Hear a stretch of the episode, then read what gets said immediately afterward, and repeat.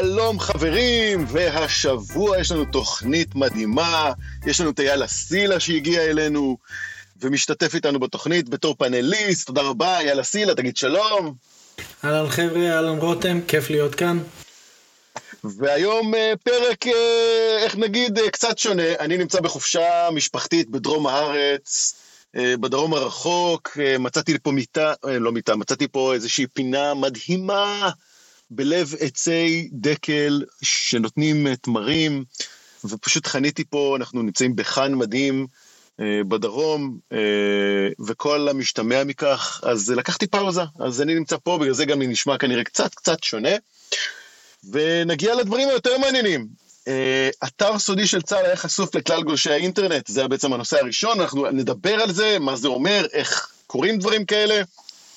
אנחנו נדבר על הפיצ'ר החדש בוואטסאפ, אנחנו נדבר על סוף סוף אינסטגרם שנותנת לנו כלים אמיתיים לאנשי הסייבר והמחשבים, איך לנפנף את החברים ואת המשפחה למקום קצת יותר נורמלי.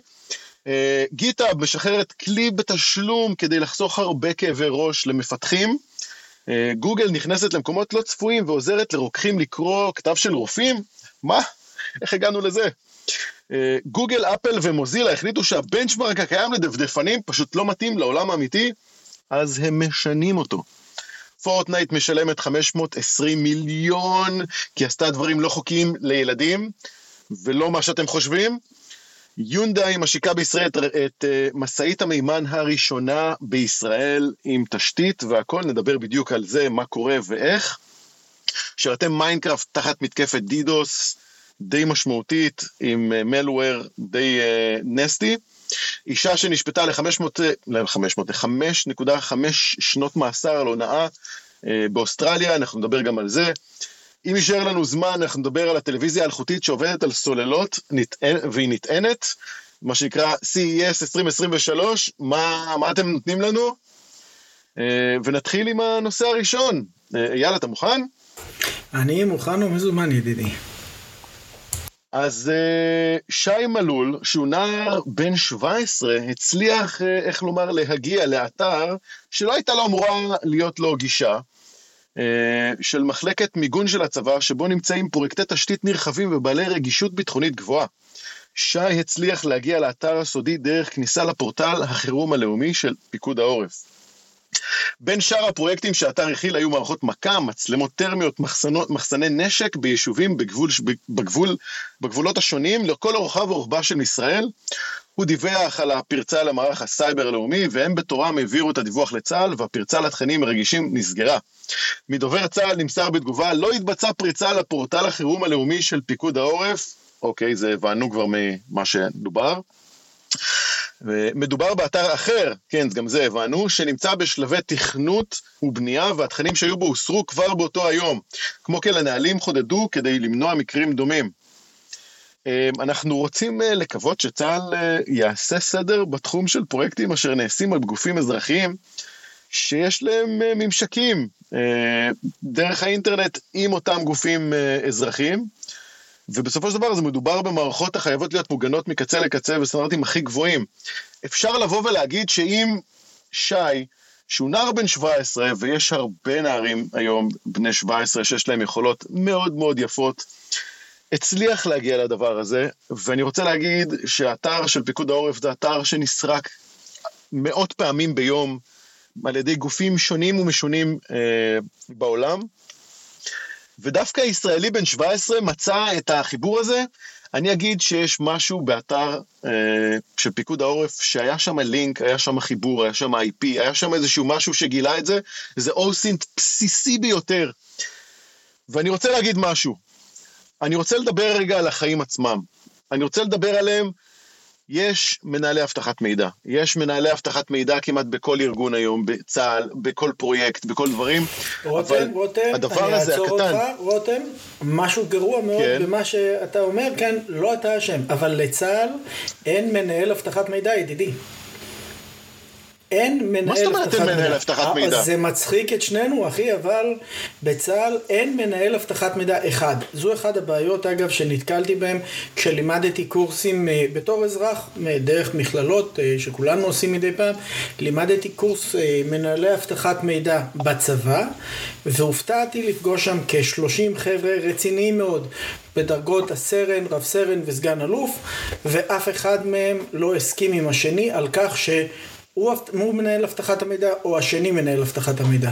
לצערנו, סמכות אחת שאומרת אני מנהל אבטחת המידע של הצבא לא קיימת. ממה שאני מכיר, משיחה עם לא מעט אנשים, זה עדיין המצב, לימדתי את הקורס הזה לפני כשנה. אני רואה את המבט השנה... העמום על הפנים שלך, כן? אני, אני השנה לימדתי אה, אנשים, אה, שני סבבים של קורסים של צה"ל, ואני יכול להגיד לך, אני לא יודע לענות על השאלה הזאת. אני, אה, אני מאוד לא מקווה שזה יסתדר. לא הם לא יודעים. אני, אני מבין את, תראה, צה"ל זה מקום מאוד מאוד מורכב, אני, אני בדיוק, זה בדיוק המקום שאני רוצה לבוא ולהגיד, החיים עצמם. תראה, החיים עצמם, זה, יש בדיחה באנגלית שאומרת, If you want to make God laugh, send him your plans for, for the futures. זאת אומרת שאם אתה רוצה לתכנן משהו בצורה מסודרת, במקום שהוא מורכב, זה כמעט בלתי אפשרי לעשות, כי המורכבות הזאת היא מאוד מאוד בעייתית. אני יכול להגיד לך, יש לי חברים בתעשייה, סיסואים במקומות מאוד מאוד גבוהים, עם חברות מאוד מאוד גבוהות, גבוהות מאוד מאוד גדולות בארץ, ויש להם בעיה יומיומית, כי האנשים שנמצאים בשיווק פותחים עכשיו אתר חדש, בשביל לעשות עכשיו איזשהו one page, בשביל לקבל מידע מלקוחות, והם אה, עשו את זה עם חברת צד ג' בכלל, שאף אחד לא שמע על החברה הזאת עד עכשיו, ואין פה עניין של פרטיות ואין פה עניין של חיבור, ועושים איזשהו פרויקט אחר וגובים כסף ממקום לא, לא הגיוני, וזה עובר דרך חברה צד רביעי בכלל, ואף אחד לא יודע על זה, רק אותו מנהל פרויקט שבעצם מנהל את הפרויקט הזה, כי זה מה שאמרו לו לעשות, קשה לנהל את המורכבות הזאת. אני מבין שהצבא זה מקום גדול, אני בטוח שיש מישהו שאחראי על אבטחת מידע באתר פיקוד העורף. בטוח, לגמרי. חד משמעית. מצד שני, מצד שני, הרמת מורכבות פה היא גדולה, יש המון המון אנשים, אף אחד לא מודע, יש פה, יש פה עניינים שאנחנו לא יכולים להתקדם איתם, אנחנו תקועים במקום. בגלל שהחיים עצמם אה, יותר מסובכים. תמיד יבוא לך איזה מישהו שלא מכיר את כל החוקים, לא מכיר את כל ההגדרות שלך, לא מכיר את כל הנהלים שלך, את המדיניות, את כל מה שאתה רוצה, הוא צריך לפתור את הבעיה. יש לו עכשיו בעיה בפרויקט שהוא צריך עכשיו לחבר איזשהו משהו, מישהו אמר לו, תקשיב, תשתמש עכשיו במודול הזה, בדבר הזה, הוא חיבר אותו, הוא לא רואה את התמונה הגדולה, הוא לא מבין את התמונה הגדולה, ופה מתחילים הבעיות. וזה מקרה קצה שאנחנו מדברים עכשיו בצה"ל, אבל הדבר הזה קורה בחברות הכי גדולות אה, בעולם. אה, אייל, אתה, אתה יצא לך לעבוד עם החברות הכי גדולות בעולם, גם לי יצא לעבוד עם חברות גדולות בעולם. עזוב ישראל, קשה לנהל מערכות כאלה גדולות. אנשי אבטחת מידע הם מעט, והחברה זה הרבה, וזה פשוט לא עובד הסיפור הזה. איך מתמודדים, תגיד לי, איך, איך, אולי מהניסיון שלך תן לנו עכשיו איזה כמה כלים איך מתמודדים עם הדבר הזה. תראה, מה שאמרת בהתחלה מאוד מאוד נכון, ההתייחסות לכך שתעשה איזה תוכנית שאתה רוצה, תכתוב איזה נוהל שאתה רוצה, הכל, ואז מגיעים החיים. לשמחתנו, הפרנסה שלנו מגיעה מהמקום המאוד ברור שיש משתמשים. גם אנחנו משתמשים אגב, גם אנחנו יוזרים, אני קורא לזה ה-enabler users, כלומר היוזרים שמאפשרים. הם מאפשרים מהמקום הכי נכון והכי טוב בעולם, אבל דרך האפשור הזה הם מאפשרים גם את הדברים החיוביים שאנחנו רוצים להגיע אליהם, וגם את הדברים הפחות חיוביים. אה, אם זה בהתייחסות לעולם של צה"ל ולכל העניין של הכפר הגלובלי, שזה למעשה נקודת הממשק בין הצבא לאזרחות, ששם יש הרבה מאוד פרויקטים, אם זה השאדו האיטי שהזכרת, אה, אני יכול להמליץ לכל מנהל אבטחת מידע בצורה הכי ברורה, choose your battles. אוקיי? אה, אנחנו לא נצליח לנצח את כל הקרבות. תבחרו את הקרבות שבאמת אפשר לנצח אותם. אה, אני יכול להגיד לך שאני הצלחתי להגיע פעם אחת למצב שכל פרויקט בחברה היה חייב להיות ייצוג של אבטחת מידע. הרגשתי כל כך טוב עם זה למשך שבועיים. אחרי שבועיים היה לי מספיק עבודה לחמש שנים קדימה, והבנתי שאני לא יכול. choose your battles. זה המצב. לגמרי, וזה, לגמרי. זה ההמלצה שלי לכל אדם שנמצא בעולם שלנו. לא מהמקום הזה של תהיה עמוס או לא תהיה עמוס, אלא מהמקום הזה שאתה צריך לתת את האפקט האמיתי במקומות החשובים, אוקיי? בשאדו הייתי אתן הנחיות.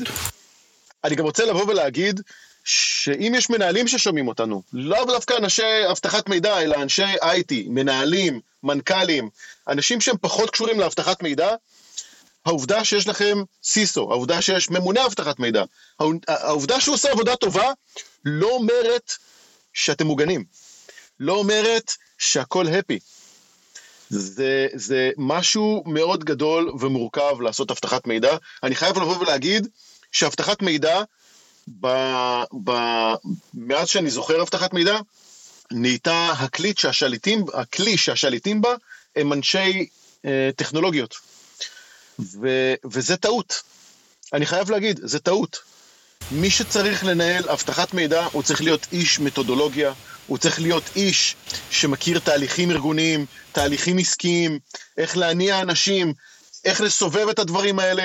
הוא יכול להפעיל טכנולוגים, אבל טכנולוג, קשה לו להניע תהליכים ארגוניים. זה, זה בעיה מובנית. ואני רואה אנשים כמוני, אני, אני טכנולוג שהגיע והיה מנהל, הייתי סיסו של חברה מאוד מאוד גדולה, סיסו אוטי של חברה מאוד מאוד גדולה, 150 מפעלים, ואני פתאום הבנתי שהיכולת הטכנית שלי לא שווה יותר מדי בתפקיד הזה.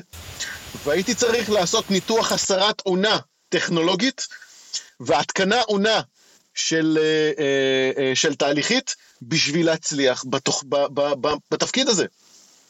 ו- והייתי ממש צריך לשנות את איך שאני מדבר לאנשים, מה אני מבקש מהם, מה התהליכים שאני, שאני, צופה, שאני מחפש מהם לעשות. תהליכי עבודה, הכל השתנה.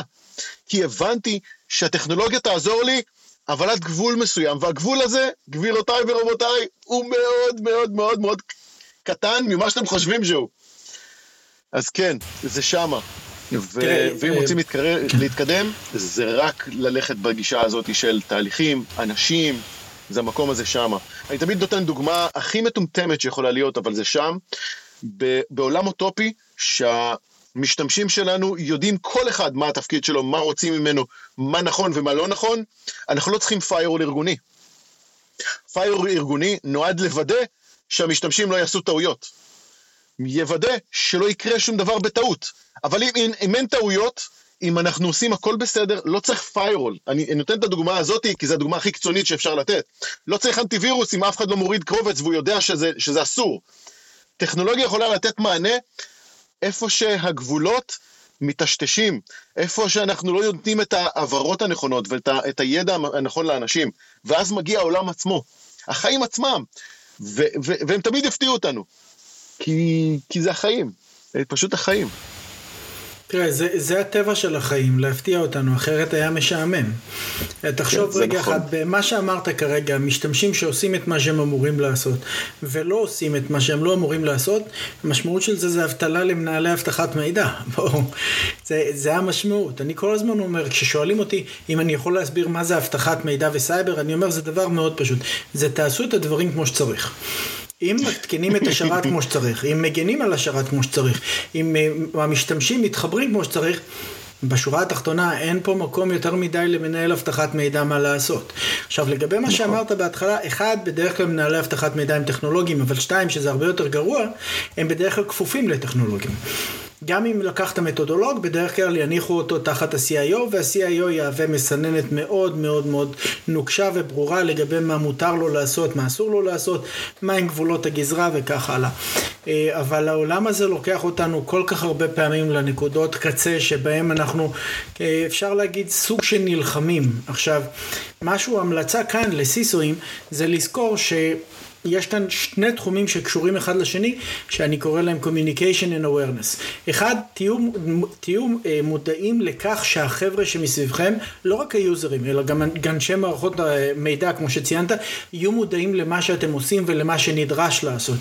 אני יכול להגיד לך בתור דוגמה, אני הייתי מעביר את מנהלי הפרויקטים בחברה, קורס קצר של אבטחת מידע, של מספר שעות, שבו הייתי מסביר להם מה צריך להיות בכל פרויקט, מהו הבסיס לאבטחת מידע, מה המינימום הנדרש, הגדרנו להם מסמך דרישות מסוים, וזה עזר לנו הרבה מאוד. ומהצד השני, לתקשר. עכשיו, יש הבדל בין מודעות לבין תקשור, אוקיי? תקשור זה אומר שאתה צריך גם לדבר עם האנשים עצמם. ביום יום, להריץ איתם את הפרויקטים העתידיים, להסביר להם את האיומים הקיימים. תבינו דבר מאוד פשוט, כל אנשי אבטחת המידע. אתם אמנם מנהלי אבטחת המידע, אתם אלה עם הטייטל שכתוב בתוכו אבטחת מידע, אבל בפועל האחריות לאבטחת מידע היא על כל משתמש ומשתמש בארגון. ואתם צריכים להנחיל להם את התובנה הזאת, לא רק במצגות מודעות, לא רק מהמקום של, אה, אה, של להעביר להם תרגילי פישינג, אלא גם ממש לעבור איתם בתוך פרויקטים על הניואנסים הקטנים, ולהבין כמובן את הצד שלהם. כשאתה מגיע לפרויקט שבו הולכים להחליף שרתים, תבין מה צריך לקרות שם. כי אם אתה חושב שהאמירה שלך, אני לא אחבר בפיירוול, או שאם לא תקשיחו כך, או לא יקרה כך, אם אתם לא תבינו את התהליך העסקי, התהליך הזה כולו נידון לכישלון בראש, וכנראה גם כן שלא תישארו הרבה זמן בחברה הזו. אני חושב שגם צריך להגיד שהדרך מדידה של סיסואים היום, אם הם עושים עבודה נכונה או לא נכונה, היא עקומה. אני רואה סיסואים שחושבים שהם עושים עבודה טובה בזה שנותנים להם עוד תקציב, ולאו דווקא ממקומות אחרים. אז הדרך עצמה זה גם משהו שצריך אולי אה, לשנות, אולי קצת לסדר. אולי, אולי זה ישתנה קצת לטובה ב-2023. אה, כן, טוב, בואו נמשיך. החיים עצמם זה בדיוק מה שקורה גם בנושא הבא שלנו. אז אה, חברת מטא השיקה בעדכון האחרון לוואטסאפ פיצ'ר שבו ניתן לשחזר הודעה שמחקת בטעות, אבל רק עבור עצמך. כמובן שאחר כך, לאחר מכן, תוכלו למחוק אותה עבור כולם, ממש כמו כפי שתכננתם. אני, אני אסביר ככה בעצם על מה זה אומר. אם בטעות אתם נמצאים בקבוצה, לא, אם אתם בקבוצה, לא בטעות, אתם נמצאים בקבוצה, ואתם רוצים למחוק הודעה, ועשיתם את הדבר הכי טריוויאלי בעולם, שקרה לכולם לפחות פעם אחת, שבמקום ללחוץ delete for all, uh, for everyone, לחצתם delete only for me, uh, תהיה לכם עכשיו יכולת לשחזר, לעשות undo למחיקה של עצמכם, ואז תוכלו למחוק לכולם. הזמן הזה בעצם שוואטסאפ מאפשרת לנו זה uh, רק חמש uh, שניות, ו, וכרגע תוכלי לעשות את הדבר הזה. זה בדיוק החיים עצמם, זה בדיוק מה שאנחנו מדברים, אייל. איך אנחנו נכנסים למקום הזה של אה, נותנים פתרונות לחיים עצמם. אז... תראה, אה, זה לתת פתרונות לחיים עצמם, אבל זה גם לזכור שיש פה היבט מאוד מאוד משמעותי של סייבר. כי, כי כשאתה מדבר כאן על העניין הזה של למחוק ולשחזר מחיקה, ואחרי זה למחוק שוב פעם את אותה הודעה וכך הלאה, וזה כאשר מטה מבטיחה לנו שאנחנו כמובן מוגנים לחלוטין וכל המידע שלנו מוצפן, מתחילות לעלות פה שאלות על נושא של אה, מפתחות הצפנה ועל השיטה שבה אתה עושה החלפת אה, מפתחות, איפה הגיבוי הזה נשמר של אותן הודעות לא קשורות, האם זה משפיע על ה-latency של ההודעה, יש פה צד טכנולוגי שכולנו שמחים בו, של המחיקה לא מחיקה, אבל יש פה גם צד של פרטיות שהוא מאוד מאוד לא פשוט, שכולנו צריכים לחשוב עליו רגע. מצד שני, אני חד משמעית אומר, כל אחד ואחד מאיתנו, כל אדם באשר הוא, שמחזיק טלפון נייד, שנמצא ליד מערכת טכנולוגית, שיבין את הסיכון שנמצא שם, זה בסדר, כולנו משתמשים בזה, פשוט צריך להבין מה אפשר להכניס למערכת ומה לא. אוקיי? זה, זה הדעה מקבל. שלי לגבי הנושא. מקבל לגמרי. ויש פה כמה שאלות שאולי צריך להישאל. אני יכול להגיד, כמו שהיה מקרה של גוגל אה, לפני שניים או שלושה תוכניות, שבעצם מישהו דרך נעילה של סים הצליח לדלג על הסיסמת כניסה לאנדרואיד שלו, אלא להשתמש אך ורק בביומטרי, וזה התחיל לשאול, להעלות את השאלות של איפה הדבר הזה נשמר באמת, ומה, ואם הסיסמה הזאת היא באמת uh, אמיתית, של ההצפנה של האנדרואיד. זה משהו ש, שעלה פה, ו, ואף אחד לא נתן לזה תשובה אמיתית. אז גם פה יש שאלות שאולי צריך לחשוב עליהן. אנחנו נעבור לנושא הבא. אנחנו מדברים בתוכנית, uh, כבר בכמה תוכניות דיברנו על כל העניין של מפתחות, uh, שבעצם פורצים ל... לבאקטים ולעננים על ידי אה, שימוש במפתחות שנמצאים ב, בכל מיני source קודים בכל מיני מקומות. אז אתר גיט-האב, שהוא כידוע בבעלות מייקרוסופט, פתח למתכנתים אפשרות מדהימה, ממש אה, במקרה, ממש מקרה של איך זה לא היה עד עכשיו, מה שנקרא. מדובר על כלי אוטומטי שסורק את הקוד באתר ומחפש מפתחות שלא צריכים להיות בקוד עצמו. כמו מפתח לחיבור לענן של אמזון או גוגל או אפילו מיקרוסופט, הכלי מפתח, אה, מחפש את המפתחות בגודל מוכר, כפי שלפי המבנה של 200 סוגים מפתחות מוכרים לאותו כלי. במידה ונמצא, הוא יתריע ואף יעצור את הפרסום של הקוד. הכלי היה פתוח עד עכשיו רק למשתמשי GitHub בתוכנית הפרימיום שלהם, כמו GitHub Enterprise Cloud, עם הרישיון של GitHub Advanced Security License, שזה בעצם רישיון שרק enterpriseים משלמים עליו בשימוש ב GitHub, ועכשיו זה יהיה כלי פתוח לכולם, אני מאוד מאוד שמח, זה, זה feature חשוב ומשמעותי, שאני מסתכל ואני אומר, איפה זה היה בשנתיים האחרונות? איך לא נותנים את זה בחינם? איך זה הדברים האלה לא קיימים בצורה הכי טריוויאלית שיכולה להיות? אני לוקח קוד, אם, לא משנה אם קוד פתוח או חברה, ואני מעלה את זה לגיטהאב או לגיט שלי, אני רוצה שהוא יבוא ויגיד לי, תעצור, יש פה, יש פה מפתחות, אל, אל תשים את זה שם. או אם אתה רוצה לשים את זה שם וזה רשום לפאבליק או לקבוצה שהיא לא רק אתה, תתריע, תעצור ותמנע את זה. אה, טעויות אדם זה החיים עצמם, זה בדיוק מה שאנחנו מדברים עליהם. ואלה הכלים, אלה המקומות שמוודאים שאנחנו לא נגיע למקומות האלה. תראה, יש את האמירה המאוד מאוד יפה שאני דווקא מתחבר אליה, שאומרת, אה, אה, באג זה פשוט פיצ'ר אה, שמתחפש. אוקיי? אז יש באג בצורה שבה קוד נכתב, ומזה עושים כסף. זה לחלוטין עושים כסף, ואתה שואל את עצמך רגע אחד, למה שמייקרוסופט לא ייקחו את הדבר הזה וייתנו אותו בחינם, כמו שאתה אומר, למשתמשים? כי זו פלטפורמה שלהם, היא אמורה להיות מאובטחת. אם הדאגה שלהם היא למשתמשים וככה, אז אמורים לתת את זה בחינם. אבל בפועל, כמו שאנחנו כל הזמן רואים, זה פשוט הזדמנות לעוד איזה רווח קטן ועוד רווח קטן, במקרה הזה רווח גדול, כי בדרך כלל מייקרוסופט עושים משהו מאוד חכם, הם מתמחרים יחסית בנמוך את, את הכלים הללו, ואז אתה נמצא במצב שאתה בוחר להשתמש, הרבה מאוד אנשים בוחרים להשתמש.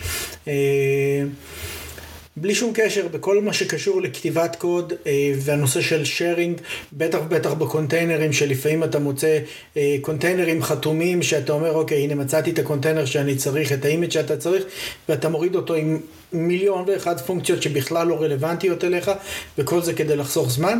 זה הכל מתקשר לעולם של SSD, SLS, סליחה, SSDLC, כל הנושא של Secure Software Development Life Cycle ומה זה בכלל אבטחת מידע בעת כתיבת קוד ואם להוריד את הטילדה, לא להוריד את הטילדה וכל מיני דברים כאלה. בסוף מודעות. בסדר? ופה זה המקום אה, להגיד, אה, זה לא רק אה, לחכות שמייקרוסופט ייתנו לך את הכלי, אלא גם כן שתיתן את הכלים למפתחים שלך, שיעצרו את זה עוד לפני כן. עכשיו, יש פה גם כן משהו מעניין, שאתה יודע, על המפתחות שהם מחפשים, מי שקבע את התעדוף של המפתחות זה מייקרוסופט. האם אלה המפתחות הקריטיים ביותר? האם אלה המפתחות המסוכנים ביותר? לא בטוח. תעשו את החשבון גם עבור עצמכם. בסופו של דבר אנחנו יודעים אה, אה, אמת אה, מאוד פשוטה ובעייתית. לארגוני enterprise גדולים יש כסף בשביל לעשות אבטחת מידע הרבה יותר מארגונים קטנים, בינוניים, שזה רוב העולם, ואני מאוד מאוד שמח, אני מקבל מה שאתה אומר, אבל אני עדיין שמח שלקחו כלי שהיה בשימוש של חברות enterprise גדולות, והורידו אותו לעם, שעכשיו כמוני וכמוך יכולים להשתמש בו. אז uh, אם אתם כותבים קוד ואתם שומעים את, התוכנה, את התוכנית שלנו, תבדקו את הפיצ'ר הזה. הפיצ'ר הזה צריך להיות כבר ברול uh, בימים הקרובים, אם לא כבר יצא. Uh, זה פיצ'ר חשוב ומשמעותי שכל אחד צריך להשתמש בו. אל תגידו אחר כך לא ידעתי, אל תגידו אחר כך לא שמעתי, באמת. ואם מדברים על קריאה וכתיבה של דברים, שווה לדבר גם על הנושא הבא. אז בכנס של גוגל בהודו, גוגל הודיעו שת, שתעשה תוכנית חדשה לעזור לרוקחים להוציא את שם התרופה ממרשמים של רופאים, שכידוע אי אפשר לקרוא אותם בעולם נורמלי. כתב של רופא זה, זה נטוריוס, הסיפור הזה. אה, אז אה, גוגל מסרה שהכלי החדש לא זמין עדיין לציבור ועדיין בשלב, בשלב ניסויים. בכנס, אה, בכנס גוגל עשתה ניסוי של הכלי והציגה את היכולות שלו על ידי סריקת מרשם של רופא ורישום של התרופה הכתובה. אני חייב להגיד שגוגל בזמן, בוא נגיד 2023, בוא לא נעשה איזשהו ספוילר לתוכנית הבאה שבעצם הולכת לעשות סיכום של השנה אה, של כולם, אה, הולכת להציג הרבה יותר פיצ'רים של AI ממה, ש... ממה שראינו עד עכשיו. אני חושב שגוגל זה אחת החברות AI גופי AI הכי גדולים בעולם היום, הם ו-IBM, ואני מאוד מאוד שמח שגוגל יתחילו להוציא את הדברים האלה למוצרים ש... איך אומרים מקודם, מיקרוסופט הוציאו ב GitHub את המוצר, גם גוגל הוציאו את זה לא ל enterpriseים שיכולים לשלם הרבה מאוד כסף על דברים כאלה, אלא דווקא לפשוטי העם, אלה שיכולים להשתמש. רוקחים, אני חושב שזה אחלה רעיון. זה ממש אחלה רעיון לתת את הפתרון הזה. זה אה, אחלה רעיון, אבל אתה עדיין צריך לשאול את עצמך איך זה יכול להיות שהסייעת האישית של גוגל עדיין לא עובדת בעברית. שזה גם כן אה, די מעניין. היא עובדת בעברית, אבל היא נורא נורא לא אה, צרה, נקרא לזה, נקרא לזה צרה. אני אקרא לזה צרה. אם אתה משווה לא אותה לסירי, היא פשוט צר. לא עובדת בעברית. אה, אבל בהקשר לעניין הזה, זה משהו שמעניין, זה העניין של איך אתה מסתכל פה על, על מה שנדרש לעשות, ומה גוגל מנסים להשיג כאן. גוגל הרי ידוע, גוגל היא חברה ששווה הרבה מאוד כסף, ואת רוב המוצרים שלה היא מוכרת או נותנת בחינם, כמו שאומרים, וכשאומרים לך שאתה מקבל מוצר בחינם, זה אומר שאתה המוצר. ופה עולה הנושא של פרטיות והנושא של תעדוף, ויש לך רוקח שבא וסורק את המרשם הפרטי שלך, שמוגן אה, על ידי מיליון ואחד אה, הנחיות שונות בכל מיני הנחיות רגולטוריות כאלו ואחרות, וזה מגיע לאיזה רוקח, והוא לוקח, סורק את זה בסורק ביתי פשוט, או לא משנה מה, וכל המידע הזה נאסף עליך. בטלפון, הוא סורק בטלפון, תגיד את זה. סורק בטלפון, אתה מבין? וזה מדהים, כאילו החדירה לפרטיות כאן, ולא רק החדירה לפרטיות, אלא היכולת של גוגל לשלוט לנו על החיים כאן, אה, לא רק בעניין הזה, אלא גם באחרים, אבל בטח בעניין הזה, להגיע למצב שהם אומרים לך בדיוק, תקשיב אייל, אתה פתאום תקבל הודעה בזמן גלישה, אה, לא שאני משליך על עצמי, כן? אבל אה, תקשיב אייל, בנוגע לוויאגרה שרשמו לך, לא משליך על עצמי אני מזכיר לכם, אה, יש לנו תרופה חלופית שאנחנו היינו רוצים להמליץ לך. מי נתן לכם בכלל את הזכות לדעת עם איזה תרופות אנחנו משתמשים או לא משתמשים? יש כאן עוד פעם, נוחות על חשבון הפרטיות שלנו. בישראל אנחנו מאוד מאוד גרועים בזה. אנחנו בישראל מכרנו את הפרטיות שלנו בנזיד עדשים מזמן, מזמן, מזמן. לחשוב שזה הולך להיות יותר רחב זה בעיה. ש... צריך להגיד שגוגל, אה, רוב המידע שהיא מחזיקה הוא מרופלק גם לארצות הברית, ולממשלת ארצות הברית יש גישה כמעט בלתי אמצעית לכל המידע הזה, בין אם זה צווים של בית משפט, shadow אה, בית משפט, או בין אם זה דרך אה, לקבל את המידע שעובר בצינור, מה שנקרא, שלה בפיקאפ, או ביליון ואחד דרכים. אה, אני חושב שגוגל הם לא רק העניין פה, אני חושב שגם המידע שלנו שהוא רץ באינטרנט, וברגע שמידע מגיע לקלאוד, ברמת ה infrastructure, ברמת הגיבויים, מה שקורה שם איתו, זה, זה, זה, cloud זה, זה יצור שיכול לאבד פרופורציות בצורה מאוד מאוד מהירה. הוא לא יכול לאבד, אה, הוא איבד. הוא לא יכול, הוא איבד, בסדר? בוא נהיה, בוא נהיה רציניים. אגב, אם אתה שם לב, לפני כשבועיים או שבוע היה פרסום דווקא בעיתון על כך שיש עכשיו אה, הנחיות חדשות להגנת הפרטיות, אבל, בישראל כמובן, אבל אך ורק לאנשים שהם בעלי אזרחות אירופאית. כלומר, כל מי שיש לו אזרחות אירופאית, כולל החבר'ה שהצליחו איכשהו להוכיח שהוריהם והורי הוריהם וסבי הוריהם גרים בפורטוגל איכשהו, שזה חוויה, אה, הם יהיו זכאים להגנת פרטיות משמעותית הרבה יותר חזקה מאשר לי כמי שאין לו אזרחות אירופאית ואני לא יודע מה איתך, אבל אה, זה, זה, זה, זה פוגע, כי כשאתה מגיע לעולמות הענן, ההגנות שאתה יכול לקבל היום נאכפות בעיקר מהמקום הרגולטורי, וכשזה נוגע לאירופה, אם אתה נופל תחת ההגדרה של GDPR, יש לך איזושהי כסות, גם אם היא דקה, גם אם היא כמעט שקופה, עדיין יש לך איזו כסות שהיא אלפי מונים יותר טובה מהכסות שיש לכל אזרח רגיל בישראל. וזה עצוב, זה עצוב שהמחוקק בישראל מוכן לקחת את ההגנה על האזרח האירופאי למקום שהוא אמור להיות בו. שזה מצוין, אבל לאזרח הישראלי לא. וזה באמת באמת בעיה. מה שעשית כרגע, אתה בעצם הוכחת שהדרכון הפורטוגלי שווה יותר. תשמע, זה לא מהיום ולא מהשיחה הזאת. כן. תנסה לגמרי. לעמוד בתור לחידוש ויזה שמונה חודשים לארצות הברית, ואתה תבין שכבר שם הדרכון האירופאי שווה יותר. לגמרי, לגמרי. אה, טוב, אה, בואו נמשיך לנושא הבא שלנו. אז אה, בואו נדבר על דפדפנים.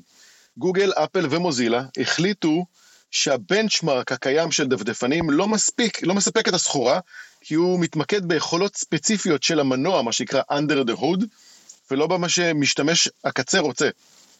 ולכן גרסה 3 של ספידומטר תתאים לגישה החדשה ותבדוק את המסע של משתמשים ותתמקד באפשרויות הקי... הקיימות באתרים. גוגל מספרים שהמהנדסים של כרום עובדים מאוד קשה כדי לכוון את הדפדפן שיתאים לבדיקה עצמה, אבל הבדיקה הזאת לא באמת מתחברת לשימוש של רוב המשתמשים. כן, אני יודע שזה נשמע מוזר שאפל, מוזילה וגוגל עוזרות אחת לשנייה לעשות מוצר טוב יותר, אבל זה לא פעם ראשונה שמדובר בדפדפנים, זה כבר קרה השנה עם מיקרוסופט ומבדקי ה Interop 2022. אה, זה, זה נושא שכבר היה, אז אם מישהו שואל עצמו למה באמת אה, הם מדברים אחד עם השני ועוזרים אחד לשני עם ה Speedometer, זה כבר קיים, קיים הדבר הזה. זה, איך, איך אני אגיד, הם לקחו פה בעלות על העניין הזה של, ה, של ה benchmark, והם שמו, והתחילו להוריד אה, כל מיני דברים של under the hood, ורוצים יותר לדבר על דברים שיותר אה, מסע של משתמש. בוא, אני חושב שכרום זה דפדפן בזבזני מבחינת משאבים, הוא עובד מהר, הוא נחמד, אה, אבל אה, יש לו עוד מה, יש לו עוד כברת דרך לעשות, אני חייב להגיד. תראה, אני, אני היום משתמש בדפדפן שנקרא Brave, ואגב, אחת מהסיבות אה, זה אה, כמובן הביצועים, הסיבה השנייה זה האבטחה, הסיבה השלישית שהיא מינורית, אבל היא גם כן, הלוגו של הדפדפן הוא אריה, ככה שאתה מכיר אותי, אריה הסייבר בכל זאת. אה, דפדפן Brave ב benchmarkים שאני עשיתי, ניצל בערך 18% מהמשאבים לאותה משימה, מאשר דפדפן אה, אה, כרום. כלומר, כרום היה בזבזני בעשרות מונים במקרה הזה. עכשיו, צריך להבין, כשאתה נכנס לרכב לצורך העניין, ואתה מדליק את המזגן, אתה רוצה את החוויה של המזגן שמעניינת אותך. וזה מה שהם מדברים כאן, הם אומרים שאתה תיכנס לאינטרנט, אתה תרצה שהדפדפן יזרום לך בצורה חופשית, אתה תרצה שיהיה לך את האפשרות לשנות את הרקע, הדברים הבנאליים שמשתמש רוצה. אבל ברגע שאתה משנה את ה-under the hood, או שאתה לא מתייחס ל-under the hood, אלא מתייחס רק לעניין של המשתמש, זה כמו להגיד, אתה רוצה דפדפן שעובד מהר? כן. אתה רוצה דפדפן שיהיה יעיל? כן. אז בוא נוריד לך את אבטחת המידע. שזה מה שקורה. בוא, אה, אז צריך להבין מה זה under the hood ומה הם רוצים לשנות. יש פה משהו שהוא בעיניי קצת חוטא למציאות הנכונה שתהיה, וזה מגיע למקום של האם זה נכון שמי שיגדיר את מה שנדרש מהדפדפן זה החברה שמייצרת אותו. זה כמו ש... לדוגמה, חברת טבע מייצרת תרופות, מצוינות אגב, והיא תגדיר שהצלחה של תרופה זה שימותו רק 90 איש ולא 95. האם זה מקובל עלינו כאזרחים? ממש לא, אנחנו רוצים שאף אחד לא ימות. צריך פה איזשהו גורם שיחליט, כמו במקרה של תרופות, ה-FDA, אוקיי? שבא ומגדיר מה באמת צריך להיות או לא להיות. מה ה trade off? האם אני מוכן שכדי שאתה תוכל לעשות right click ולשנות את הרקע לאריה שואג, האם אני מוכן שבתמורה לזה זה, החברה תסיר את הגנות אבטחת המידע מהדפדפן שלך.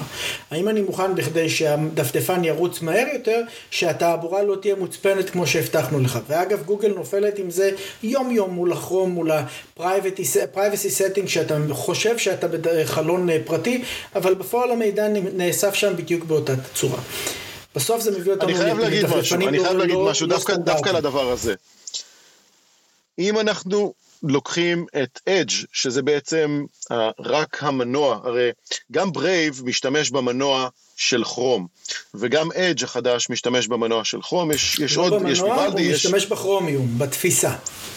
זה שונה. הוא משתמש, ב, הוא לוקח, לקח את הפרויקט open source, הוא מעדכן לפי מה שרץ שם, וגם מיקרוסופט, עם ה Edge החדש שלה, שהוא רץ על אותו מנוע, כמו הכרום, אבל בלי ה framework הזה של גוגל, רץ יותר מהר. אנשים בהלם. איזה דפדפן של... זה כרום, וזה כרום, וזה כרום, וזה כרום, אבל משהו בכרום, אני חושב שברמת הפריימוורק שגוגל התקינו לנו עליו, אה, פשוט לוקח יותר מדי משאבים. רותם, זה מה הדפדפן אמור לתת. האם הדפדפן, ושוב פעם נזכור את האמירה, אם המוצר הוא בחינם, כנראה שאתה המוצר. מה שגוגל עושים בכרום, זה הם ייצרו פלטפורמה שדרכה הם יכולים לעשות כסף עליך. אוקיי? מה שעשו ב Brave, ואגב גם בדפדפנים אחרים שאתה רואה, זה הם רצו שתהיה לך חוויית גלישה. התקשורת שיוצאת, אם אתה תעשה pickup לתקשורת של Brave לעומת תקשורת של כרום, ואגב אני לא בא להמליץ כאן לאף אחד על Brave או על כרום, כל אחד יעשה את מה שנוח לו, בסדר? אבל אתה תראה שהכמות של הדאטה שיוצא מגלישה פשוטה שלך בכרום, עם כמות הדאטה שיוצאת עליך, דאטה פרטי שלך כולל מזהים שאתה לא מבין למה הם צריכים להיות שם בכלל. האם המצלמה פעלה, לא פעלה, האם המיקרופון היה פתוח, לא פתוח, האם בוצעה הקלטה, לא בוצעה הקלטה, האם נדרשה הצפנה, לא נדרשה, ה-IP שלך, ה-MAC address של הכרטיס רשת, ה NIC שלך, אוקיי? כל הדברים האלה נכנסו לתוך ה pickup הזה בלי שבכלל חשבת שיקרה. לכן זה הכל שאלה של מה היצרן שנתן לך את הפלטפורמה מנסה להשיג. ה open source נולד כרעיון מאוד טוב, בואו נעשה משהו שכולם יכולים לחלוק ואז אנחנו מוזילים עלויות. מה שקרה מהפרויקט של הכרומיום זה שיש לך מנוע שהוא, או נקרא לזה פלטפורמה שהיא מאוד מאוד חזקה ועל זה השאלה מה אתה מעמיס. גוגל מעמיסים באופן חד משמעי, הם מעמיסים על זה את הצרכים העסקיים שלהם וזה בסדר. כל אחד מאיתנו שצורך שירותים חינמיים מגוגל צריך להבין שהשירותים האלה עולים לנו ביוקר. הם עולים לנו לא רק בפרטיות שלנו, הם עולים לנו לא רק בסודיות של המידע שלנו, הם עולים לנו גם בביצועים. כי כדי שהם יוכלו לאפיין האם הם צריכים לשלוח לך, רותם, פרסומת על כך שאתה צריך להחליף את הוויאגרה שלך, לא שלי, בכדור אחר, הם צריכים לקחת מידע שאחרים לא אוספים. אז קודם כל לא בטוח שאני אחליף את הוויאגרה שלי, נתחיל עם זה. אני כנראה אשאר עם אה, או Brave או Vivaldi או מוזילה שלא דיברנו עליה, אבל גם מוזילה שם וגם מוזילה עושה דברים בצורה מאוד מאוד טובה. ואני חייב להגיד, גם הדפדפן של אפל אה, עובד בצורה יפה. הוא הרבה יותר קשיח ומוקשח מכולם. אה, והוא גם כן בסדר, הוא גם כן בסדר. כי אל תשכח, אפל עושים כסף מהמוצר. נכון. אפל מוכרים לך מוצר, אפל מוכרים לך טלפון שלם עם מערכת הפעלה שאתה משלם על זה. בשונה מגוגל שנותנת לך הרבה מאוד דברים שהעלות שלהם היא אתה. מה עם ה Chromebook? זה לא תופס? הסיפור הזה? לא, זה גם לא יתפוס מהסיבה המאוד פשוטה, זה יותר מדי מנותק ממה שהתפיסה של מייקרוסופט מכתיבה. וצריך לזכור, עם כל הגודל של כרום ועם כל הגודל של גוגל, בסופו של דבר זה חברות שירותים. הפלטפורמה המרכזית שמפוזרת היום בעולם היא הפלטפורמה של מייקרוסופט. אגב, דיברנו על זה, אני חושב, בשיחה הקודמת שלנו, העובדה שמייקרוסופט לא אוכפת את העניין של מערכות, אה, מערכות הפעלה פרוצות, מהסיבה המאוד פשוטה. גם אם יש לך היום 200 מיליון מחשבים עם מערכות הפעלה פרוצות, ויש יותר מזה, בסדר? הם לוקחים בחשבון שאותם 200 מיליון עם מערכות הפעלה פרוצות שנמצאים בבית, כשהם מגיעים למקום העבודה ואומרים להם, הנה קחו לפטופ של Mac ותשתמשו ב MacBook במקום להשתמש במערכת הפעלה Windows, הם לא יודעים להשתמש כי הם רגילים מהבית. אז אותו דבר כאן, גוגל יצרה ת, תהליך שבו היא מצטרפת לפלטפורמות, היא נותנת לך גלישה, היא נותנת לך חיפוש, היא נותנת לך מערכת הפעלה לטלפון, היא נותנת לך הרבה דברים בדרך, אבל לא נותנים לך את הבסיס, את היסוד. ומייקרוסופט נותנים לך את היסוד, בגלל זה גם Google Docs, שפלטפורמה נהדרת אגב, באמת נהדרת, לא תפסה באותה מידה כמו שתפסו אה, אה, ה Office למיניהם. אה, אגב, גם אה, אפל היום ממליצים הרבה יותר על Office מאשר על המערכת הפעלה שלהם, על ה... אה, על, אני לא משתמש של אפל, אבל אני זוכר שיש לזה איזשהו שם, Apple Documents או משהו כזה. פה זה העניין של מה אתה נותן כ trade off כדי להשאיר את הקהל שבוי אצלך. אז מבחינת מייקרוסופט, שיהיו 300 מיליון מחשבים בכל העולם עם מערכת הפעלה שלא שילמו עליה. כי בסוף הם ימכרו את מערכת ההפעלה למקום העבודה שלך ב-250 דולר למשתמש, ואז יהיה להם הרבה יותר קל לעשות כסף, והם גם צריכים לאסוף מגורם אחד במקום מלאסוף מאלף איש. שזה חוסך. צריך גם, צריך גם להגיד שמייקרוסופט משקיעה הרבה מאוד כסף בחינוך ובללמד אנשים על Windows. אפשר להגיד למשל שכל התלמידים במדינת ישראל יש להם אופיס אה, בחינם, שזה סוג של חבילה של, אה, שהמדינה קונה באיזה מחיר אה, זעום ביותר, לגמרי. רק בשביל שבכל בית עם, עם תלמידים יהיה אופיס ולא יהיה שום דבר אחר, בסופו של נכון. דבר. ואז כשהם מגיעים למקום העבודה החדש שלהם, הם לא מוכנים לקבל שום דבר מאשר Office. מה הכישורים שלך? Excel. לגמרי. תקשיב, זה, זה שורה בקורות חיים. proficiency in Excel בכל מה שקשור לראיית חשבון וכל העולמות האלה זה כאילו ב basic של ה basic. והם כן. מספקים כאן כלים נהדרים. עכשיו, שוב, השאלה היא מה, מה, מה, מה הנקודות ממשק שבהם הדברים האלה לא עובדים. ואחד המקומות אה, שבהם יש נקודות ממשק זה שמדינת ישראל עשתה עסקה נהדרת עם מייקרוסופט, שבה הם קנו את מערכת ה... זה אגב לא רק אה, רישיון ל Office 365, זה גם נותן לך, יש איזושהי ורסיה שנותנת לך גם רישיון למערכת ההפעלה שלך, אוקיי? מה שהם עשו שם, זה במדינת ישראל החליטו לקנות את ה... אה, אה, סביבת מייקרוסופט לתלמידים, אבל המורים עובדים בסביבת גוגל.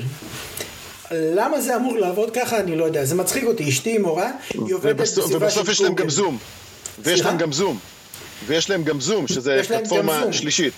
כן, כן, למה לא לעבוד עם טימס, למה לא לעבוד, לך תסביר את זה. מדהים. כן, אי אפשר. אה, טוב, לא כן. ניכנס לפוליטיקה, לא ניכנס לשם. לא כדאי, לא כדאי. זה ממש לא כדאי.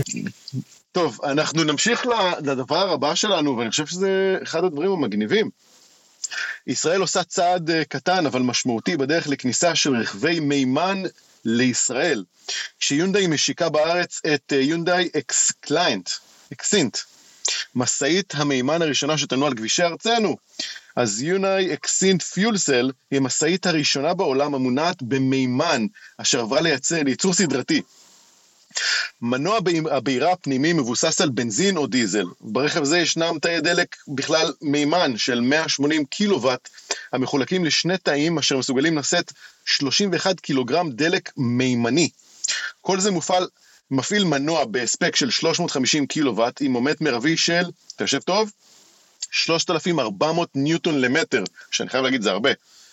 טווח הנסיעה שיונדאי מצהירה עליו הוא כ-400 קילומטר, נראה לי מתאים למיכל, אה, שזה נראה לי מתאים אה, לכבישי ארצנו מה שנקרא, ומשך התדלוק עומד בין 8 ל-20 דקות, שזה גם זה סביר, בייחוד כל מי שחושב שיש לו רכב חשמלי. אז איך טכנולוגיה עובדת? אתה בטח שואל את עצמך. בתוך תאי הדלק המימניים אגור מימן דחוס אשר מוזרם לשני תאי דלק ששואבים אוויר, ומפרידים את החמצן מיתר רכיבי האוויר.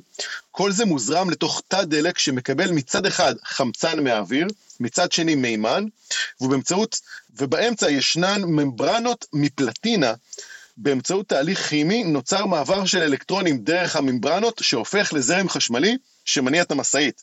השימוש במימן אומר שהמשאיות לא פולטות פחמן לאוויר, וגם לא את הרעש הבלתי נסבל של מנועי המשאיות, כיוון שבסופו של דבר מדובר כאן על מנוע חשמלי. אז uh, בישראל ינועו בשלב הראשון רק שלוש משאיות, מימן כאלה, שיגיעו לארץ כתוצאה משיתוף פעולה בין כל מוביל, שהיא כמובן יבונאית יונדאי, סונול שתקים את תחנות הדלק, תחנת הדלק המימן הראשונה בארץ, אם מי שרוצה לדעת זה הולך להיות בקיבוץ יגור, ובז"ן שתייצר ותשנע את המימן בישראל. אני חייב להגיד שמימן זה טכנולוגיה סופר מגניבה, שיכולה לתת מענה אה, אה, מאוד מאוד טוב, אה, בעיקר בגלל שאנחנו לא שורפים שום דבר. אה, התוצר לוואי של, אה, של נסיעה במימן זה מים. זאת אומרת, בסוף התהליך יש מים, שזה מדהים, הרי מימן שפוגש אוויר יוצר מים, זה, זה בעצם מולקולה של מים. אז uh, אם אנחנו יכולים לייצר חשמל ובסוף לייצר מים, יש פה יתרון על. אני חייב לבוא ולהגיד שלייצר מימן צורך חשמל. Uh, זה לא בחינם. לעשות הפרדה uh, ממים או מכל uh, uh, משאב אחר למימן צורך חשמל, אז זה לא מגיע בחינם, אבל מצד שני, uh, זה יכול לתת מענה אמיתי וטוב. אה, מצד שלישי, מימן הוא דז, גז אה, סופר דליק, אפילו יותר מגפ"ם, שהיום אה, יש רכבים שמשתמשים בהם, ואנחנו כולנו מכירים שנכנסים לחניון תת-קרקעי רשום, אין כניסה לרכבים מומנים בגז. בוא נראה מה יהיה עם מימן, זה באמת מסקרן. מה, מה אתה אומר? היית נוסע ברכב מימן? תראה, אני נוסע ברכב גפ"ם. אז uh, אני כנראה אסע גם uh, ברכב מימן. Uh, אחד הדברים ש, ש, שמוזרים כאן זה העניין של החדשנות. Uh, בפריז, uh, ואני עבדתי לא מעט בחו"ל בשנים האחרונות, אני חושב שהייתי בפריז בחמש שנים האחרונות למעלה מ-50-55 פעם. אחד המראות הנפוצים ביותר שאתה רואה זה מוניות טויוטה שעובדות על מימן.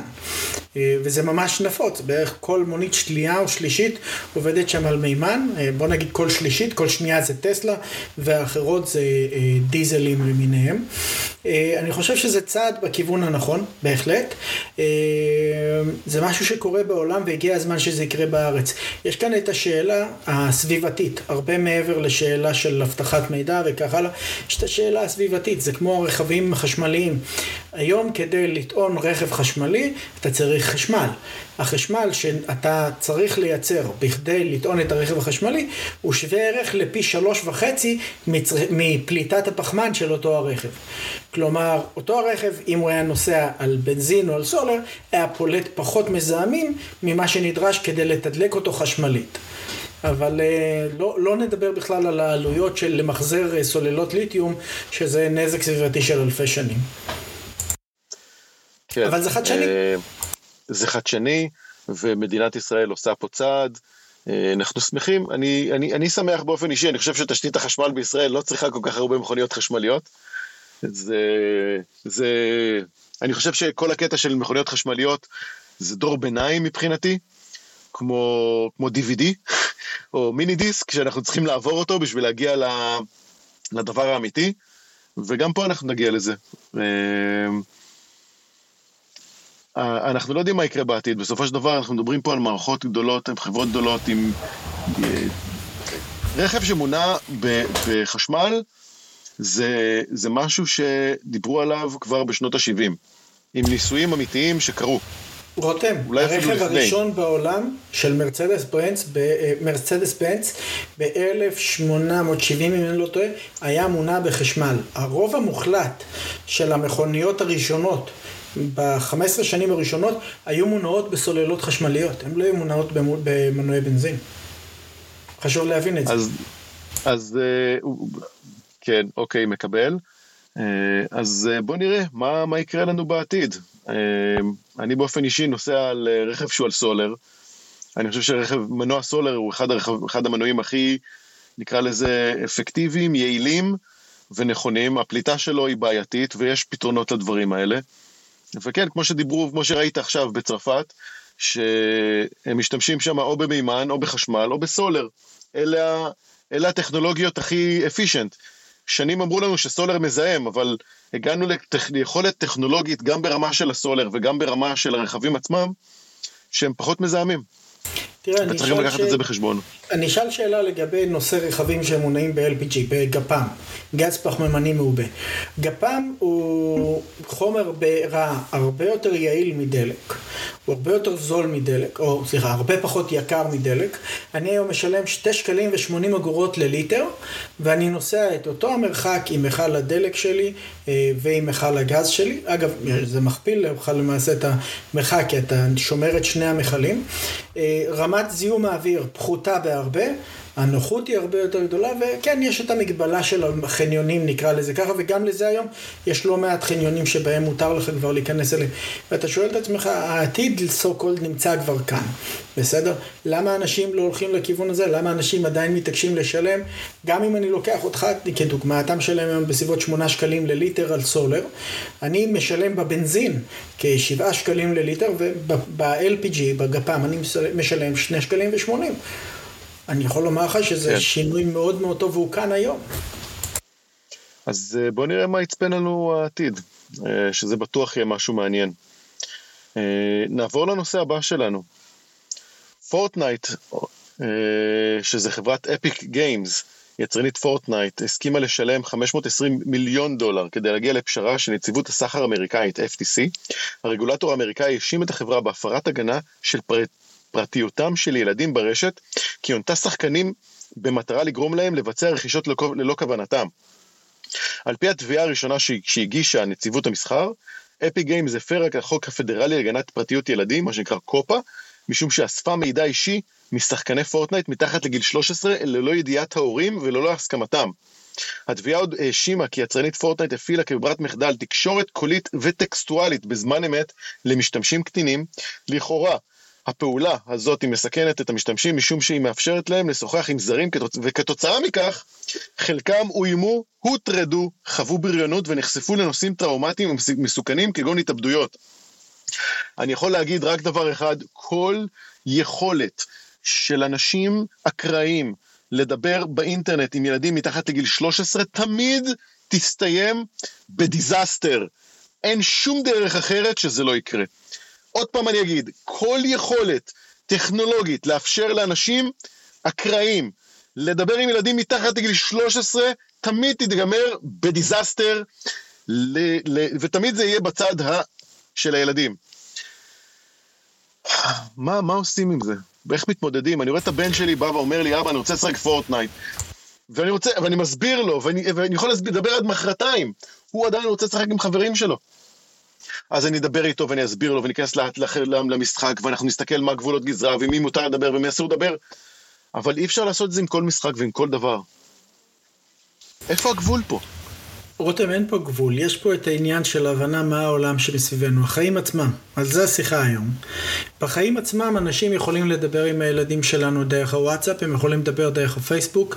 Uh, הבן שלי בן 13, יש לו פייסבוק כבר uh, לא שנה ולא שנתיים, וכששאלו אותו בן כמה אתה, הוא רשם את תאריך הלידה, פשוט הוסיף, uh, הוריד עשר uh, uh, שנים מה, מהגיל שלו כדי שייתנו לו את המשתמש, וזה מה שעושים כולם. אנחנו נותנים לילדים שלנו היום גישה לטכנולוגיות שבעבר אנחנו אפילו היינו מסתכלים עליהן כעל טכנולוגיות של מדע בדיוני. וכאן אנחנו צריכים להבין, הטכנולוגיות האלה כאן, אנחנו לא יכולים לחסום את הילדים שלנו מלהשתמש בהן. הבריונות סו קולד הזאת נמצאת גם ברשת וגם כן בתוך העולמות של המשחקים, והמקום היחיד שאנחנו יכולים לעשות פה את השינוי זה בחינוך. החינוך שלנו את הילדים שלנו. אוקיי? זה כמו שאני אומר, אני לא, כשאני שואל את הילדים שלי אם הם רוצים לבוא לעזור לי בחצר, אני לא שואל אותם אם הם רוצים לבוא לעזור לי בחצר. אני שואל אותם אם הם רוצים לנעול סנדלים או מגפיים כשהם באים לעזור לי בחצר. אותו דבר כאן, תן לילדים את הכלים הנכונים, לדעת להתמודד עם בריונות ברשת, עם ניסיונות של הטרדות מיניות, עם ניסיונות של חטיפות, לא, מיליון ואחד דברים נוראים, להסביר להם ש... כי, כי להגיד להם את הלא זה לא עוזר. בסדר? הם ילכו לאחים, לחברים שלהם וישחקו שם, הם, האחים הגדולים שלהם ישחקו וכך הלאה. זה לא העניין של הלא, זה העניין של להגיד להם איך כן. זה המקום שבו אני מאמין בנקודה הזאת.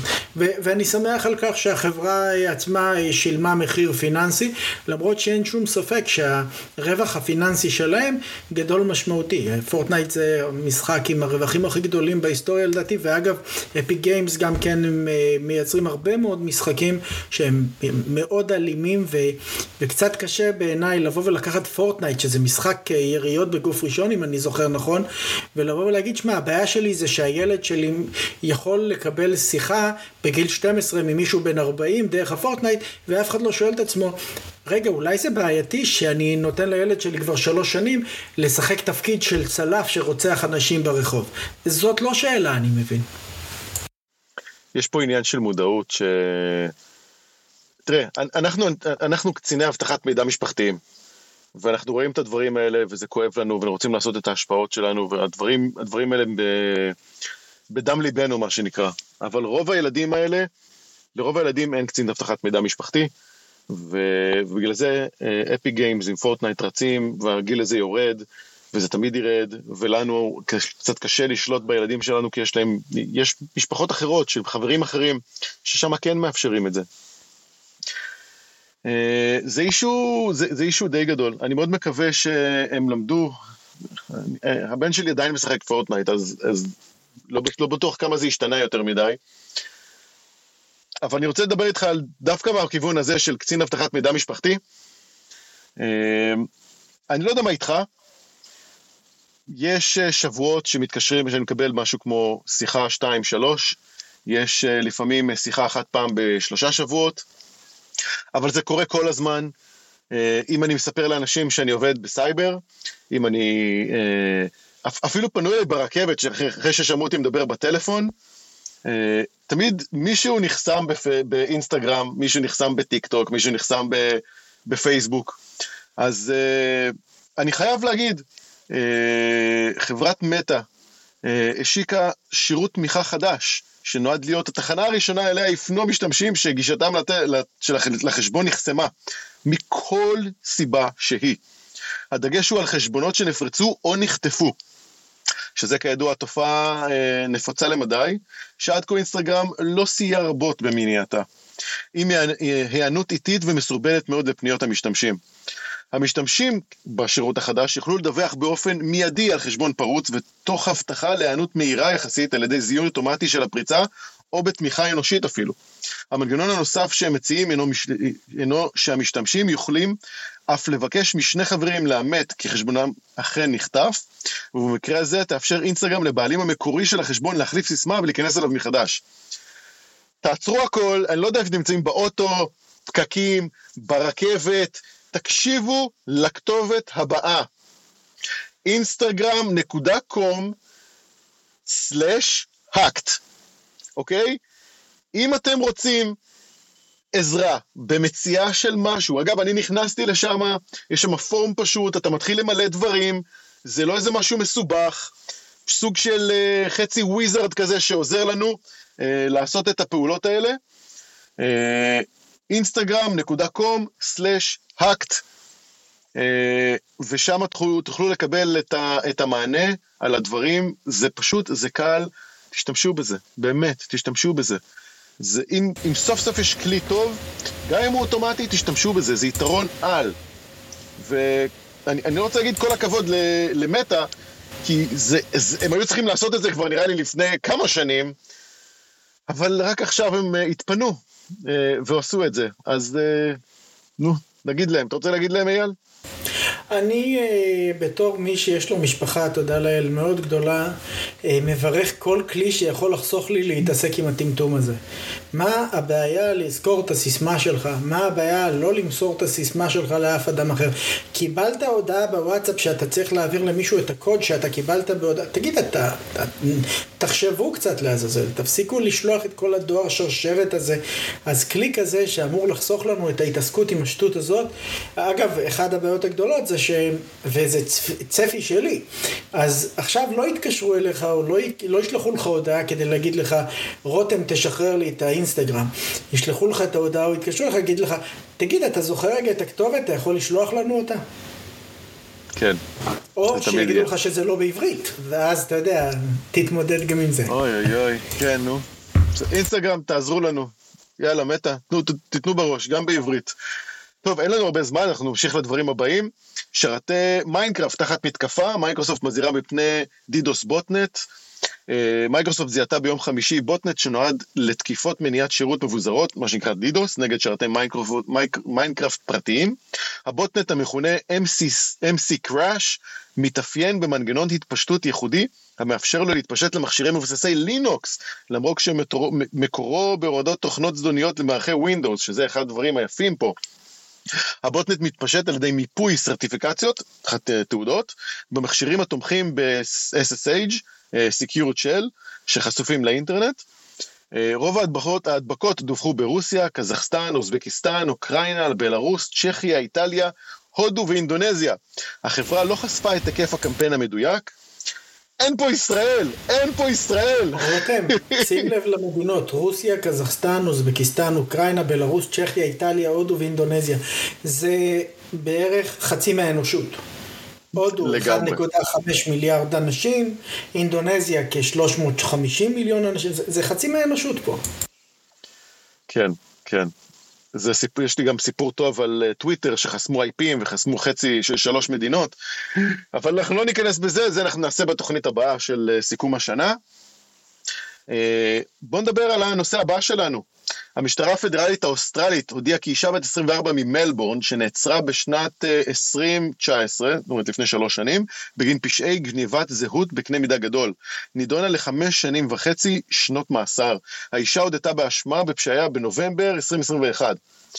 אה, לפי אה, AFP, היא הייתה חלק מארגון פשע בינלאומי שעסק בפשעי סייבר בקנה מידה גדול ומתוחכם. גנבה לפחות 3.3 מיליון דולר והלבינה עוד 2.5 מיליון דולר. וואו. החשודה רכשה זהויות גנובות של אנשים אמיתיים ברשת האפלה, השתמשה בכרטיסי סים מזויפים, זייפה חשבונות אימייל כדי לבצע השתלטות על זהות. לאחר מכן השתמשו הנוכלים בזהויות האלה כדי לפתוח למעלה מ-60 חשבונות בנק במוסדות פיננסיים שונים באוסטרליה, ולאחר מכן גנבו כסף מהפנסיה של הקורבנות ומחשבונות הסחר במניות. לצורך הפעולה הזאתי, החברה השתמשה באתרי phishing אשר התחייזו לאתרים רגילים. לאחר משיכת הכסף, ותקשיב אייל, זה הקטע היפה, מחשבונות הבנק המזויפים, היא שלחה אותם לאיש קש, קשר בהונג קונג, שרכש נכסים שקשה יותר להתחקות אחריהם, כמו מוצרי יוקרה, שנמכרו מחדש. בסופו של דבר, חלקים מהסכומים שהלבינו נשלחו חזרה לאוסטרליה במטבע קריפטוגרפי, קריפטו, כדי למזער את הסיכויים ולהשאיר, אה, למזער את הסיכויים אה, להשאיר עקבות לכסף. כפי שמדגיש ה-AFP בדוח, רוב הקורבנות של הפשעים האלה לא הבינו שזה אותם נגנבה ונמכרה ברשת האפלה, כך שלא הייתה להם יכולת אפילו להתגונן מפני ההונאה הזאת. אני חייב לבוא ולהגיד, אני שנים מסתובב עם אשתי במדינות ונכנס למקומות, אתה יודע, אתה נכנס לכל מיני חנויות של מוצרי יוקרה ואתה אומר, מי קונה את הדברים האלה? מצאנו! מצאנו מי קונה את הדברים האלה סוף סוף. כן.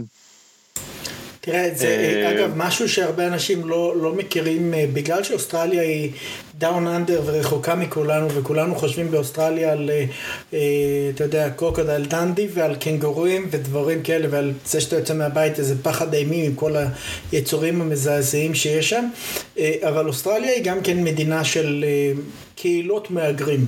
צריך להבין, יש לך מעט מאוד אוסטרלים שהם אוסטרלים, מה שנקרא, הם גם לא אורגנליים, אתה יודע, יש את האבוריג'ינים שהם הילידים המקוריים של אוסטרליה, אה, ולא ניכנס לצורה שמתייחסים אליהם, שזה בכלל משהו לא פוליטי, פשוט מזעזע, אה, אבל... אה, אתה רואה את זה הרבה מאוד בקהילות שהן הקהילות הסיניות באוסטרליה והקהילות האינדונזיות באוסטרליה שהן מאוד גדולות, זה כמה מיליוני אנשים שהתיישבו באוסטרליה והם פשוט מאוד ממשיכים בסוג של תרבות חוץ בתוך המדינה עצמה ולכן גם כן לפעמים קשה לעלות על דברים כאלה והרבה פעמים התרבות שאנחנו רגילים אליה כאל סו קולד מערביים היא שונה מאוד מהתרבות שהם רגילים אליה אותם מהגרים שהגיעו למקום החדש הזה. אה, בעיניהם השאילתות שמגיעות מהמשטר הן שאילתות הגיוניות ואם הם מקבלים את זה באימייל שנראה מספיק טוב ומספיק מייצג, אז כמובן שצריך לענות. אה, ובמקרה הזה אני מניח שזה גם כן הולך לאותם הקהילות, ובדרך כלל בוא נהיה כנים, מי שנופל בדברים האלה זה אנשים שיש להם את הכי פחות לתת. כן, כן. תמיד אמרו לי שישראלי עובר לארצות הברית או לאוסטרליה, אז אה, הוא נהיה אמריקאי או אוסטרלי. אבל כשסיני עובר לארצות הברית או לאוסטרליה, הוא עדיין סיני. זה לחלוטין נכון. טוב, הנושא הבא שלנו, אה, CES 2023, אה, חברה אמריקאית בשם Displace, שלא הרבה שמעו עליה עד עכשיו, הולכת להציג טלוויזיה בטכנולוגיה אלחוטית בצורה מלאה. החברה שחררה טיזר של טלוויזיה ללא כבלים וחיבורים שתעבוד על סוללות, סוללה נטענת. החברה מתכוונת אה, להציג את הטלוויזיה בתערוכת אה, CES 2023 שקרובה עלינו לטובה. היא תהיה בגודל של 55 אינג' עם פאנל אולד וברזולוציה של 4K. לפי החברה ניתן יהיה לחבר על הקיר ארבע טלוויזיות כאלה כדי ליצור טלוויזיה אחת גדולה בגודל של 110 אינץ'. מה? זה מגניב. אה, ממש וידאו וול. לפי החברה, הטלוויזיה תתמוך במשקי מגע, דיבור ומחוות ידיים, ניתן יהיה להעביר תכנים בין מספר טלוויזיות ברחבי הבית כשהמשתמש עובר מחדר לחדר, זאת באמצעות תוכנה שתשולב בטלוויזיה. המערכת תפעל על בסיס מעבד AMD ושבב גרפי של NVIDIA וחיבור של Wi-Fi 6E. הסוללה, לפי Displace, אמורה להחזיק במעמד, אתה, אתה יושב? חודש, בהינתן שימוש של 6 שעות ביום. ניתן יהיה להטעין את הסוללות גם מחוץ לטלוויזיה באמצעות מטען ייעודי. בקיצור, השוק אה, מתחמם וזה יהיה מעניין. אה, מה, מה עושים טלוויזיה על אה, סוללות? אתה יכול להגיד לי? אייל. אני יודע, אולי תיקח אותה איתך לשירותים. אתה יודע, זה גם touch, זה גם אה, דברים כאלה, יש כל כך הרבה אפשרויות כאן. מהצד השני, אני מסתכל על המשמעות של דבר כזה בבית, גם בהיבט אבטחת מידע. אה, אם זה משהו שיכול לראות את תנועות הגוף שלך, זה אומר שיש מצלמה משולבת. אה, מדובר פה על משהו שאמור להעביר תצלומי וידאו, שידור וידאו סטרימינג ישיר בין מכשירים קרובים, זה אומר שיש פה שימוש בתצורות שידור אלחוטיות כאלה ואחרות. כל הנושא של לזהות את התנועה שלך בבית, זה אומר שיש פה מעקב, בקיצור, לא בבית משפחת אסילה. בסדר? לא, זה לא עד כדי כך קוסם לי שהמצלמה, סליחה, שהטלוויזיה אני אגיד את זה ככה. לא במחיר הזה. אז, אז אני אגיד, אני להזכירך, אני נמצא, אני נמצא בדרום הרחוק, ב, ב, ב, יש פה עצי דקלים מדהימים, ובכאן אנחנו יורדים כל שנה, ואנחנו עושים פה דברים מדהימים בדרום, אה, ואני יכול להגיד, אולי שנה הבאה אני ארד עם טלוויזיה?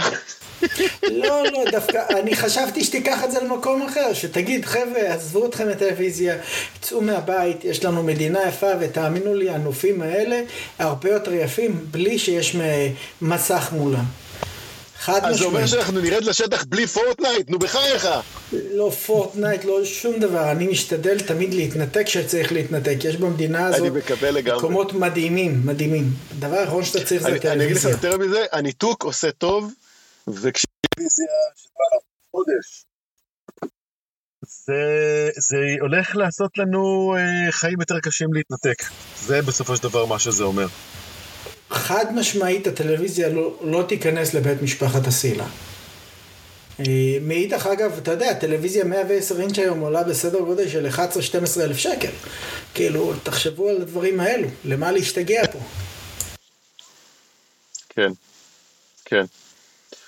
אה, אוקיי, טוב, אה, אז סיימנו את התוכנית. נעמת לי מאוד. אני רוצה להודות לבועז פירסט, שהוא העורך של התוכנית. אה, קיבלנו עכשיו עוד שני אורחים, אנחנו מאוד מקווים שבתוכנית הבאה הם גם יוכלו להיכנס ויהיה להם גם אה, איזשהו פקטור משמעותי, שזה טוביה ודביר.